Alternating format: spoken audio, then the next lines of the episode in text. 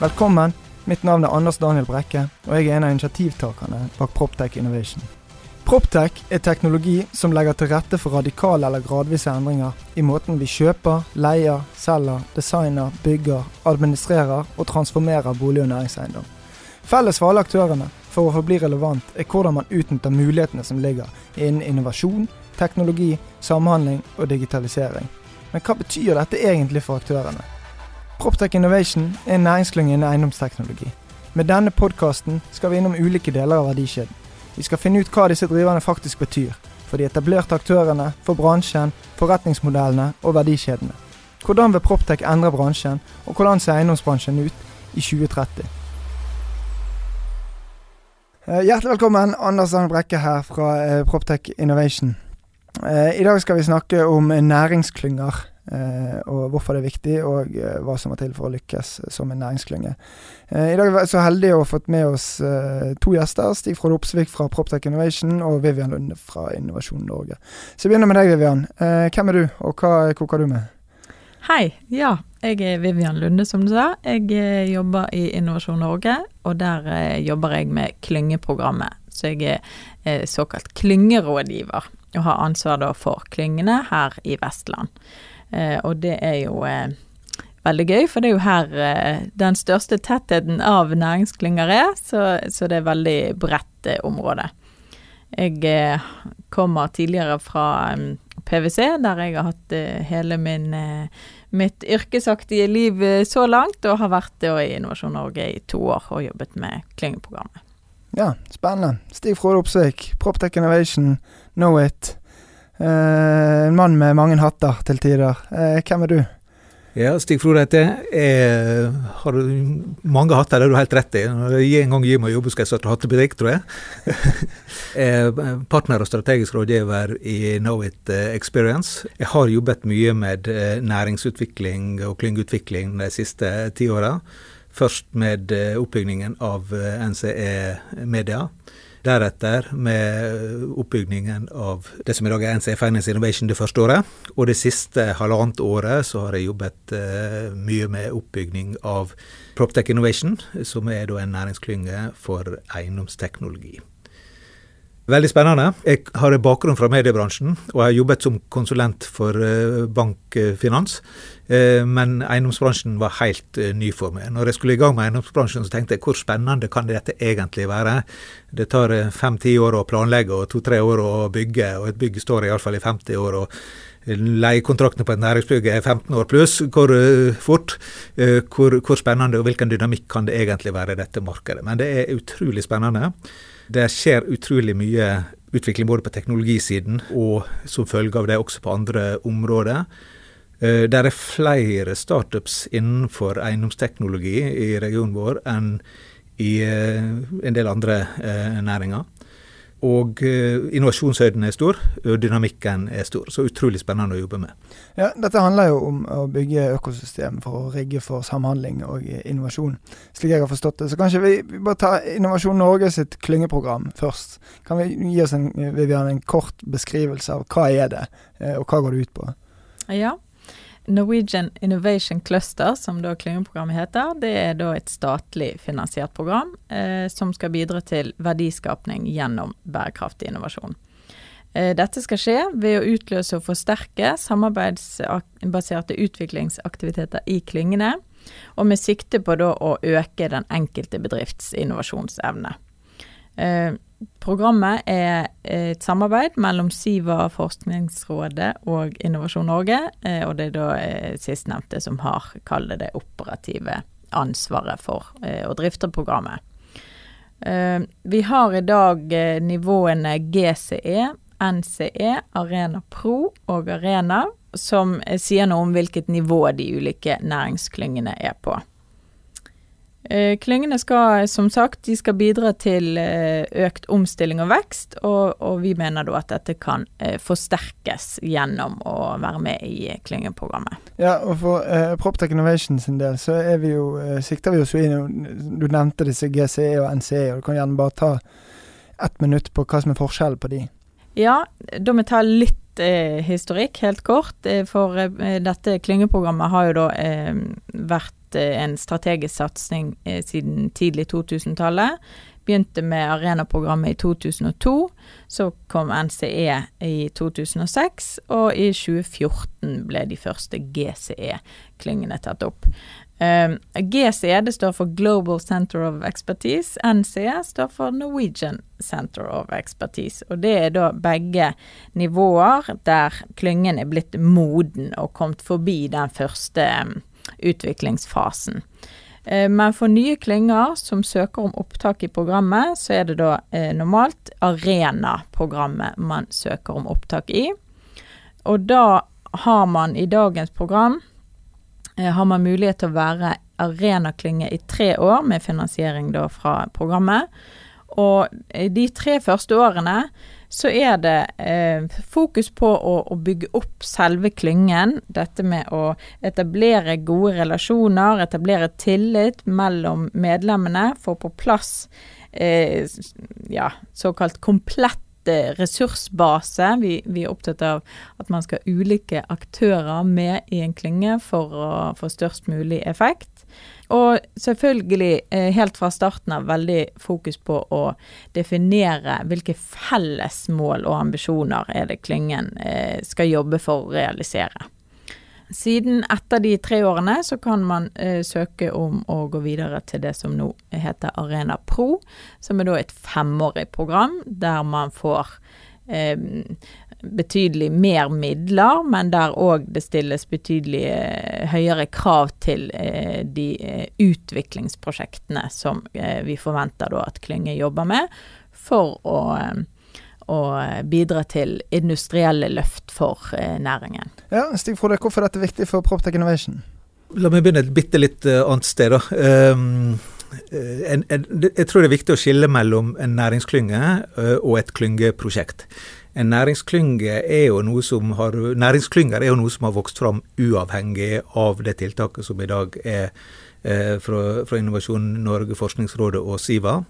Forskninga viser jo at eh, grupperinger av bedrifter innenfor et geografisk område som representerer de ulike delene av verdikjeden, og som, som har både samarbeid og konkurranse, og der også akademiske miljøer er involvert, og der man har internasjonale bedrifter osv. Denne type grupperinger av bedrifter performer bedre både på eh, det som handler om eh, innovasjon, vekst og verdiskaping næringsmiljøer der, som ikke har disse eh, relasjonene. Et typisk eksempel på en organisk framvokst næringsklynge er skipsbyggingsindustrien på Sunnmøre der noen eh, fisker, noen begynte å bygge båter, noen begynte å lage propeller osv. osv. Og så var brukerne av disse fartøyene de var på sjøen, kom tilbake sto i sangkor med de som eh bygde båtene på tirsdagskvelden, og utvekslet erfaringer. Så ble de gradvis litt og litt og litt bedre. Opparbeidet seg konkurransefortrinn, som, som, igjen gjorde at de eh, ble etter hvert verdensledende på produksjon av visse typer fartøy. Forskning viser jo at disse, hvilke mekanismer som eksisterer i disse næringsklyngene. Og så har man da eh, fra eh, politisk hold sett at dette er noe man ønsker å stimulere til, og så har man satt på verktøy som bidrar til å forsterke disse effektene i disse klyngene. Og så ser man jo også at de verktøyene man setter på, er da typisk organisk framvokste næringsklynger, også fungerer på andre nærings- og, økosystemer. Og Derfor så ser man også at disse verktøyene fungerer også innenfor mer ordinære næringsmiljøer, og om at man får ut effekten av disse. Og effekt får man, det er det følgeforskning som viser, både på lokale næringsklynger og på klyngeprogrammet som, som sådan. Slik sett så har, har da Eh, det å understøtte næringsklynger gjennom klyngeprogrammer blitt et viktig næringspolitisk virkemiddel både i Norge eh, og i andre land. Og egentlig, dette klyngebegrepet har jo blir jo tidvis litt feilbrukt og misbrukt. Eh, noen bruker det på bygg. En klynge er ikke et bygg, bygg er ikke en klynge eh, osv. Men det det egentlig dreier seg om, er jo systematisk utvikling av økosystemer for innovasjon, eh, vekst og verdiskaping. Når det gjelder bygg, anlegg og eiendomsbransjen generelt, og vårt regionale utgangspunkt, men litt videre fokus i Proptech Innovation, så, så, ser vi at dette er en bransje som uh, står midt oppi, eller er i inngangen til, og delvis midt oppi, en, en veldig både spennende og krevende transformasjon. Og der aktørene ikke lenger løser alle utfordringene innenfor husets uh, fire vegger. For å, bli, for å klare å ta opp i seg de, utnytte de endringskreftene som finnes, til å utvikle både kompetanse og løsninger og forretningsmodeller, det som skulle være, så må man samarbeide med omgivelsene sine. Uh, og det, For å få til gode samarbeid, så er da et sånt prosjekt som Protec Innovation, eller en forening med et sånt prosjekt som Protec Innovation, en, et veldig uh, nyttig og godt virkemiddel for å styrke samhandling, styrke innovasjon, styrke vekst og verdiskaping og omstilling innenfor bygg anlegg og eiendomsbransjen. Ja, la meg bare si at det er veldig bra, Stig Frode. Jeg er helt enig med deg i at klynger, næringsklynger, eh, finnes òg selvfølgelig utenfor eh, klyngeprogrammet, og det er ikke noe vi har, eh, har noe eh, patent på. Men eh, når jeg snakker om klyngene i klyngeprogrammet, så, eh, så, er det på en måte våre klynger jeg snakker om. Eh, men det er helt rett som du sier, Stig Frode. Tidligere så ble dette ofte eh, eh, vokst frem pga. geografisk tetthet. I dag så ser vi at for noen klynger er dette fortsatt et viktig element, mens for andre er det overhodet ikke det. Og, og jeg tror eh, det kan, er rett å påstå at det er nok mer krevende å bygge de klyngene der det ikke er den geografiske tettheten som er det naturlige utgangspunktet. Eh, og det å bygge en klynge i dag, det er eh, veldig krevende. Det krever faktisk at du blant aktørene så skal du finne personer som forplikter seg til å sette av og prioritere tid og ressurser for å bidra inn i, i klyngesamarbeidet, som da ikke handler om å oppnå den ene bedriftens mål, egne mål, men å oppnå de felles målene man har i klyngen. Eh, I tillegg til å, prioritere denne tiden, så skal man òg forstå betydningen av samarbeid, og hva det vil si. Hvordan opptrår man i et sånt samarbeid? Og, og da må man ha evnen til å tenke vinn-vinn. Eh, som generelt er en god eh, tankemåte i business. Helt enig. Det, det, dreier seg om å gjøre kaka større. og Blir kaka større, så blir det mer på, på, alle. Og heller det fokuset framfor å begynne med sitt eget eh, kakestykke. Da bidrar ikke man til å gjøre eh, kaken større. Så, så, her er det mye å hente på, på eh, samarbeid. Og jeg føler det helt på at det geografiske eh, skillelinjene med de teknologiske virkemidlene vi har i dag, eh, blir mindre viktig, selv om geografien fortsatt spiller en, en, en rolle. Det, så, det, som er eh, spennende, det er jo, det er jo å få til dynamikken mellom disse selskapene i den eh, næringsklyngen. Jeg kan ta et eksempel fra, eh, fra medieklyngen. Eh, når TV 2 fikk OL i Sotsji, så realiserte de den, det oppdraget ved hjelp av syv bedrifter innenfor medieklyngen. Underveis eh, så så de at det, det, var noen år siden man hadde dekket en sånn stor event sist. Verden hadde endret seg, og man så at det, i et OL så er det mange parallelle øvelser med mange høydepunkt i hver eh, øvelse. Som i den medielandskap som da har utvikla seg, skal ut i mange ulike kanaler, klipp av høydepunkter, da, og eh, helst i eh, sanntid. Og så tok det 20 minutter å redigere et eh, innslag. Det var ikke kompatibelt i det hele tatt.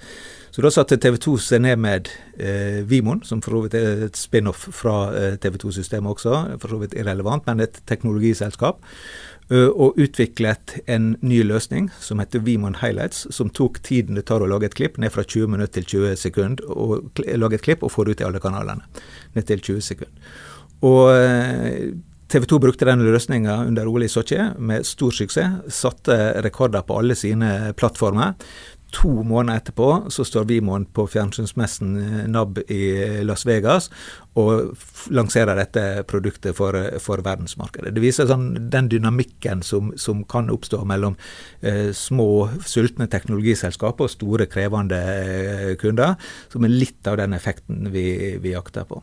Og Disse tingene leter vi etter internt i klyngene. Men det vi også ser, som øker kompleksiteten i dag, er jo at eh, innovasjon i stadig større grad skjer på tvers av eh, klyngene.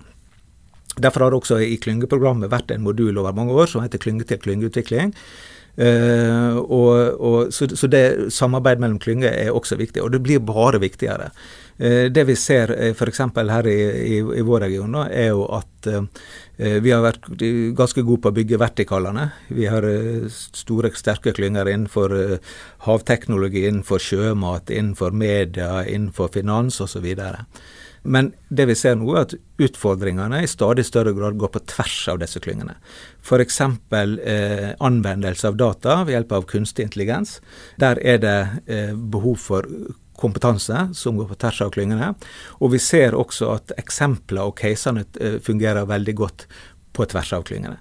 F.eks. Eh, så er det et selskap i Bergen som, som eh, jobber med å utvikle modeller for prediktivt vedlikehold av sine løsninger, som igjen gjør at de i neste omgang kanskje ikke bare skal selge et produkt og så ha litt tilfeldig vedlikehold i etterkant, men at de faktisk kan endre hele forretningsmodellen sin til å drive as a service. De erfaringene for et sånt prosjekt innenfor én bransje er overførbart til andre bedrifter i andre bransjer. Så i, vi må være flinke å utvikle klyngene og vertikalene, men vi må stadig økende grad også være flinke til å utvikle horisontalene og de gode prosjektene på tvers av eh, klyngene.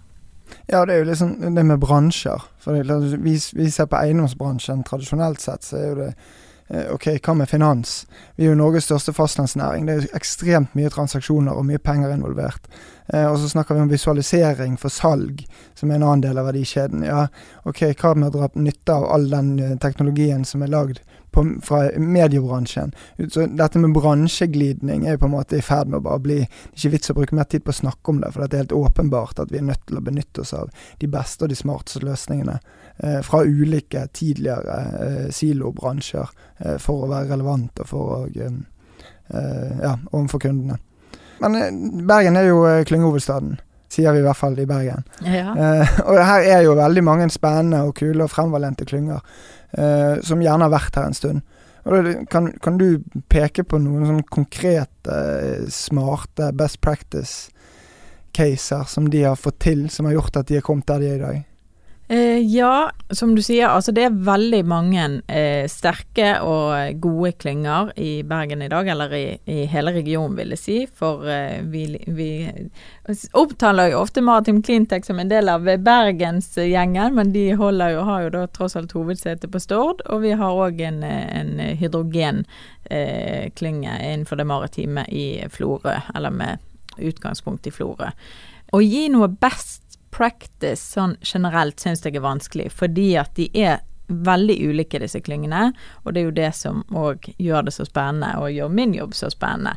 Fordi at jeg får eh, følge disse eh, syv-åtte veldig ulike klyngene, og se, eh, følge de i forhold til måten de jobber for å oppnå sine eh, mål.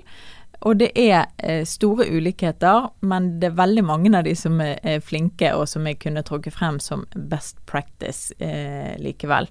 Jeg vil heller si at eh, for å kunne si hva som er best practice, altså det igjen, det kommer veldig tilbake til eh, hvor god jobb har man gjort i forhold til å definere felles ambisjoner og mål. For det er det dette handler om. Det å jobbe i en klynge handler om å oppnå de felles målene.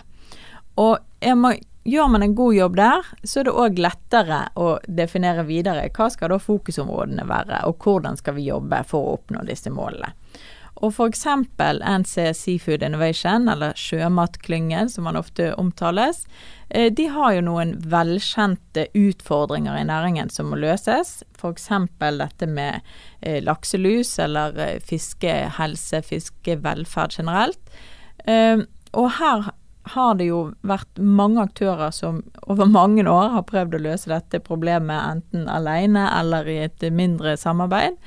Og eh, når Seafood-klyngen da eh, tar tak i dette på en helt ny måte ved å etablere noe som de kaller for AquaCloud, som er jo da en plattform eh, for eh, innsamling av data fra ulike eh, fiskemerder, eh, så er det et, et veldig godt eksempel på hvordan man kan jobbe på en helt ny måte for å løse en utfordring. Mm. Ja, så kan vel egentlig si at min far hadde rett, da. At uh, hemmeligheten til suksess er hardt arbeid. Ja. Og det er derfor det er så hemmelig.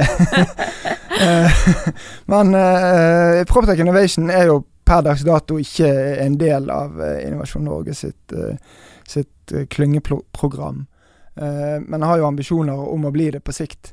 Eh, men da er det jo egentlig litt det som du snakket om, at hvis vi skal ta den eh, videre på at du måtte bake en kake, og du skulle få kaken til å bli større, så må man jo ha kommet ganske langt på veien. og Man må ha en ganske god industriell forankring og kommet et godt stykke på veien med alle disse ulike målene og initiativene, og det å forstå hvordan man skal kunne klare rent praktisk å få realisert disse ambisjonene om samarbeid, og at aktørene har forpliktet seg osv. Uh, så det er vel en av de veiene vi på en måte, Nå har vi holdt på i to år snart, og det tar gjerne to år å komme opp på en, en, kritisk masse i forhold til prosjekter, i forhold til relevante aktører, i forhold til forpliktelse fra de relevante aktørene, og at aktørene sjøl forstår hva det er de egentlig er med på. Uh, og når vi begynte denne signingsferden uh, for to år siden, Stig Frode, så måtte jo vi ha en vi måtte jo få skapt et felles eh, forståelse for hvor bransjen er, og hvilke muligheter, og hvorfor dette er riktig veien å gå, og hvorfor Innovasjon Norge sin mal for måten man skal gjøre det på, er riktig. Eh, og da måtte vi jo bruke en del solskinnshistorier fra andre klynger, og hva de har fått til. Eh, så det er et veldig eh, godt poeng. Men vi, vi nærmer oss jo nå, Stig Frode. Ja, vi, vi, eh, har jo egentlig ikke sett oss ned og venta på Innovasjon Norge. Vi har bare dratt på og dratt i gang. Og det er jo på en måte det beste proof of concept er at du klarer å dra i gang aktiviteter og finansiere det opp industrielt. Og så er det jo sånn at midler utløser ofte midler. Uh, og det vil si Når vi nå f.eks. har klart å få uh, finansiert opp et av våre delprosjekter med halvannen million kroner, fått satt på en ekstern prosjektleder på det og dratt det i gang, så har vi, uh, så har vi på en måte bevist, i tillegg til den generelle aktiviteten som vi har, og andre prosjekter på gang, at vi er, har både mål, retning, fart og gjennomføringsevne. Og så håper vi at Innovasjon Norge ser sin besøkershest i å henge seg på suksessen etter hvert. ja, eh, og jeg vil eh, si meg helt enig eh, der, Stig Frode, at mye viktigere enn Innovasjon Norge sitt bidrag finansielt er nettopp det du sier med at det næringsaktørene må være drivkraften bak dette for at det skal lykkes. Så der er vi helt, helt enig. Eh, vi eh, forsøker, som jeg sa innledningsvis, gjennom vårt program å forsterke den aktiviteten som skjer i, i klyngene. Men, men, det er helt klart at initiativet må komme fra næringsaktører som ser at her er det et uløst potensial som, eh, som, kan oppnås ved at vi samarbeider. Og så har jeg bare lyst til å si litt, Du nevnte òg at, at, forskning og evaluering viser jo at dette virker. Og det er helt rett. Men når det gjelder eh, effekten av å på en måte samles og, og møtes, så ser vi òg at den eh, er størst de tre første årene. Altså det er en veldig eh, markant effekt de første tre årene, og så avtar denne effekten eh, eh, tydelig etter hvert. Mens dersom man klarer å få opp den gode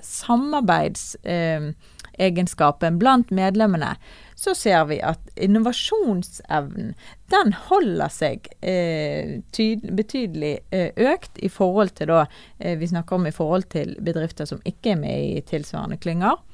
Uh, og her tror jeg dere òg er inne på noe viktig i forhold til disse prosjektene. Altså det å tidlig definere noen gode, konkrete prosjekter som skal da bidra til at man oppnår uh, klyngens mål det er utrolig motiverende for medlemmene til å fortsette å levere den innsatsen. Og det genererer òg helt klart nye ideer for hva som er mulig å oppnå seinere. Ja, helt enig. Og der, der har vi også gjort det sånn at vi, når vi dro i gang for halvannet år siden, så hadde vi 16 medlemsbedrifter. Eh, på våren i år hadde vi 72 medlemsbedrifter. medlemsbedrifter, har 72 medlemsbedrifter eh, nå. Og det vi har gjort er på en måte å bruke medlemsinntektene. der er bedrifter som betaler en ganske betydelig beløp i medlemsinntekter. Brukt den til å få opp en, en, et grunnleggende tilbud, samtidig som vi har brukt litt av ressursene til å spinne ut nye satsinger, som vi så har henta finansiering til igjen. Og Sånn sett så har vi en modul som både ivaretar nettopp den her eh, å bygge fellesskap og, og den, den, delen av prosessen. Men samtidig har vi også et sterkt fokus på å bygge noen spissa prosjekter eh, som tilfører eh, kraft og substans i konkrete, innenfor konkrete satsingsområder som våre aktører sjøl har definert at er viktig eh, for dem. Uh, og der er vi veldig godt i gang. Både med dataprosjekt og innenfor andre områder. Jo, men det var jo, det var jo der vi begynte. Med å si For å kjeppjage og skremme bransjen til at dette måtte de være med på. så gikk vi rundt og sa at det kun er jakt og jordbruk som er mindre digitalt modent enn eiendomsbransjen. For det hadde vi funnet i en eller annen McKinsey-rapport. Hvor mye hold det var i den, det, den diskusjonen tror ikke vi skal gå inn på. Men det er jo helt riktig. Og dette skulle heller ikke være en plass hvor vi skulle treffes for å løse verdensproblemer og drikke kaffe. Her skulle vi veldig kjapt i gang med konkrete prosjekter. Og det er litt interessant mot det du sier, at innovasjonsgraden etter noen år kan på en måte gå ned.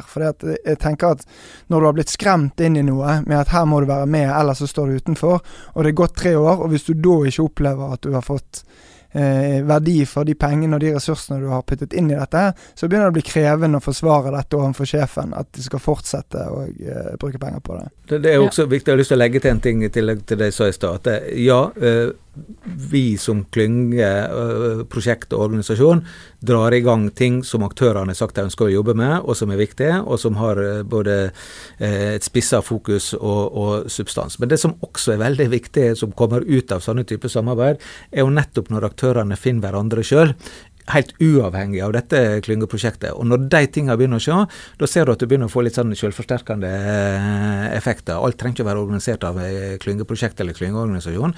Det er aktørene sjøl som på en måte utvikler Eh, både fokus og, og, interesser, og har kontaktpunkter da, som gjør at, eh, treffingspunkter som gjør at man finner de nye prosjektene. Og Det var veldig gøy i PropTech. Det så vi ganske eh, nesten sånn fra dag én at når vi fikk aktørene som kanskje ikke treffte, hadde så mange treffpunkter inn i samme rom, så plutselig oppsto der prosjekter. Noen lavterskel og noen tyngre. Og det er jo også på noen av disse prosjektene vi har på en måte fått også utløst midler og, og og fart. Og her er en ny eh, nøkkel egentlig dere er inne på. Det er jo dette med, med altså innsatsen, det vi kaller egeninnsatsen fra medlemmene. For det er klart at en klyngeadministrasjon eh, blir ikke veldig stor. Altså det er som regel en liten organisasjon, også etter ti år som klynge. Og det er veldig begrenset hva eh, disse personene kan utrette alene. Så, så helt klart dette med å, å engasjere eh, medlemmene nok til at de faktisk legger ned den innsatsen som kreves, eh, gjør jo at du kan skalere i veldig høy grad aktiviteten i klyngen og for å da oppnå disse målene. Eh, og dette er Det høres så lett ut, eh, men det er dette som er den eh, Jeg vil påstå at dette er hovedutfordringen til så å si samtlige deltakere på ett eller flere tidspunkt gjennom klyngeperioden. Så dette er noe man kontinuerlig må, må jobbe med. Innovasjon Norge sine programmer går jo over så og så mange år er liksom ultimate målet at når den både finansieringen og støtteperioden er over, så skal dette økosystemet da være så robust at det skal kunne stå fullstendig på egne bein og egentlig kunne skaleres opp ytterligere etter den tiden. Ja, jeg mener jo at hvis vi, hvis vi, lykkes med de klyngene vi tar opp i vårt program, så er det nettopp det som skal skje etter endt periode med det vi kaller basisfinansiering. Og det er disse tre pluss fem årene som vi snakket om i sted, Arena og Arena Pro.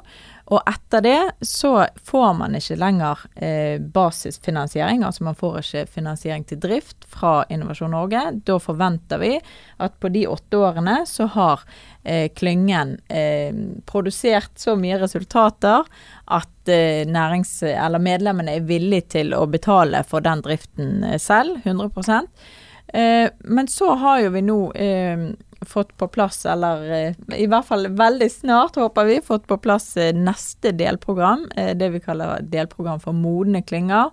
Som eh, da skal være eh, egentlig det vi ønsker. Grunnen til at vi har, har laget et nytt delprogram for modne klynger, er jo fordi at vi ser at nettopp for de næringsklyngene som gjør en så god jobb og, og oppnår det du egentlig skisserer, Anders, med at de da evner å stå på egne bein og er blitt et så bra økosystem etter eh, årene med basfinansiering, at dette er eh, verdt å kapitalisere videre på, så ønsker vi å bidra i den forstand at de skal da kunne søke gjennom utlyste midler på eh, prosjektmidler for å løse type eh, eh, felles utfordringer. Altså igjen litt de, de fellesgode prosjektene som man fortsatt ikke kan forvente at næringsaktøren skal ta hele regningen av, fordi at det vil gi effekter langt utenfor eh, bare egen innsats, og altså for andre enn en bare de som, som bidrar. Så det, dette er som sagt, vi har fått eh, vi har fått eh, støtte i revidert statsbudsjett, men, men det skal fortsatt eh, godkjennes av Stortinget, da. Men eh, Stig Frode, jeg har lyst til å bare eh, si til deg, og du har jo vært, eh, vært eh, med involvert i klynger eh, mye lenger enn eh, hva jeg har.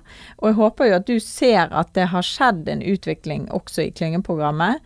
Dette som vi snakker om at ja, det tar tid å, å få på plass den etablerte strukturen. Eh, men og det skal man fortsatt få, få, lov å bruke tid til.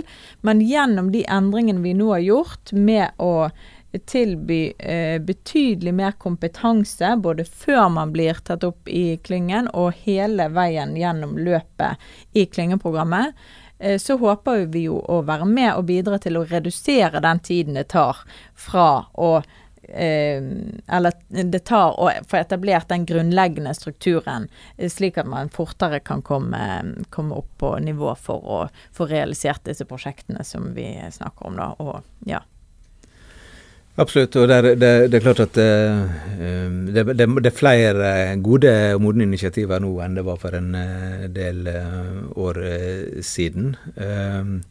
Jeg satt sjøl og evaluerte klyngesøknader også for en del år siden. og fikk tilnavnet 'Slakteren fra Bergen', for det var mye rart som, som ikke, ikke, var bra. Og så var det mye som var bra også.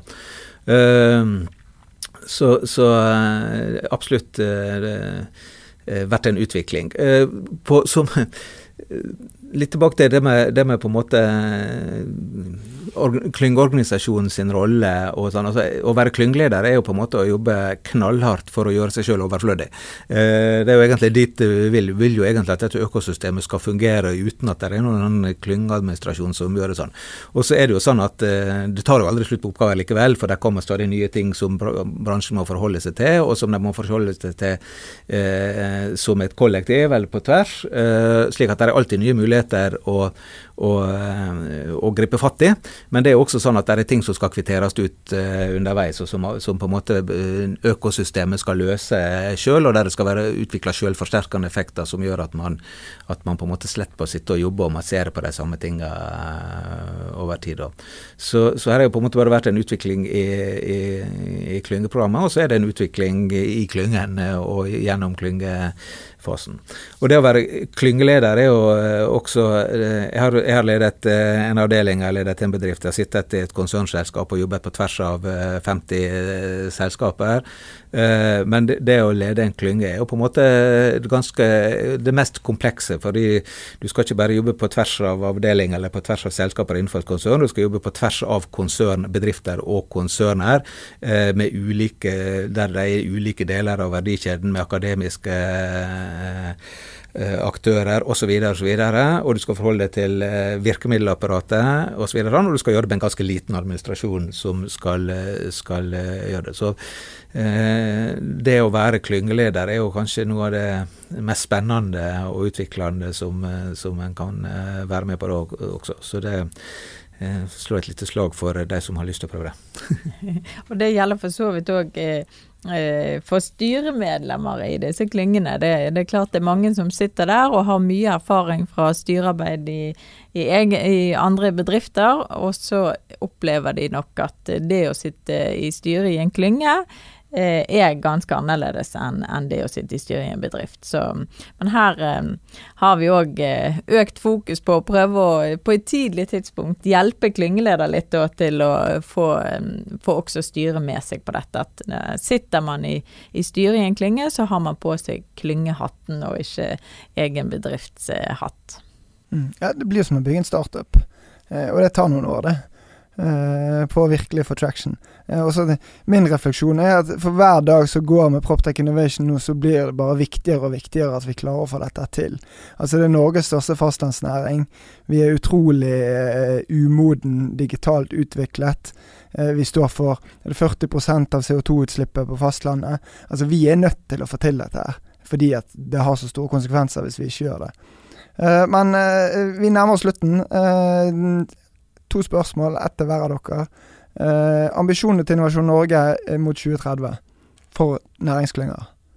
Ja, eh, altså det henger jo da selvfølgelig sammen med eh, ambisjonene til Innovasjon Norge generelt. Eh, og vi, eh, altså vi, Innovasjon Norge skal gi lokale ideer globale muligheter. Eh, og vi er jo, eh, som de fleste eh, sikkert er kjent med, at vi er et viktig virkemiddel for å realisere verdiskapende næringsutvikling i hele landet. Vi skal bidra til å utvikle et mer allsidig og bærekraftig norsk eh, næringsliv for å løse eh, store felles samfunnsutfordringer. Og her er jo eh, klyngeprogrammet en del av å oppnå dette.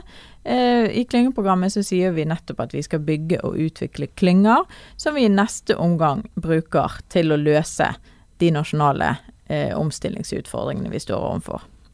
Bare før du stiller spørsmålet, jeg har også lyst til å kommentere på det. fordi at eh, Vi har nevnt noen ganger vårt regionale utgangspunkt i Proptech Innovation, men vi har definitivt et fokus eh, utover det. Vi skal ha en impact eh, nasjonalt, og vi har også et internasjonalt fokus.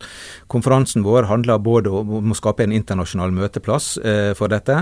Eh, en del av de pro prosjektene vi jobber med, har eh, definitivt et skaleringspotensial utover landets grenser, og der vi leter etter samarbeidspartnere partnere også fra, fra eh, spesielt i prosjektene våre, spesielt Europa. I konferansen så tenker vi hele, eh, hele verden. Så, så Proptech Innovation er ikke bare en regional næringsklynge. Det er en satsing med et regionalt uh, utgangspunkt, men som har et, uh, har et overordna fokus og ambisjon.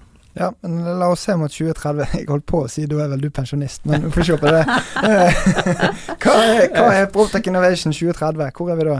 Nei, altså Proptech Innovation har eh, store ambisjoner og ligger langt frampå med eh, brystkassa og tenker at det, det, er ikke, det, er ikke, noe alternativ til å eh, både å, å være ambisiøs og vokse og ville skape noe stort. Vi tror og håper vi har, vi har spilt en rolle i forhold til hvordan denne bransjen jobber med å bruke data for innovasjon.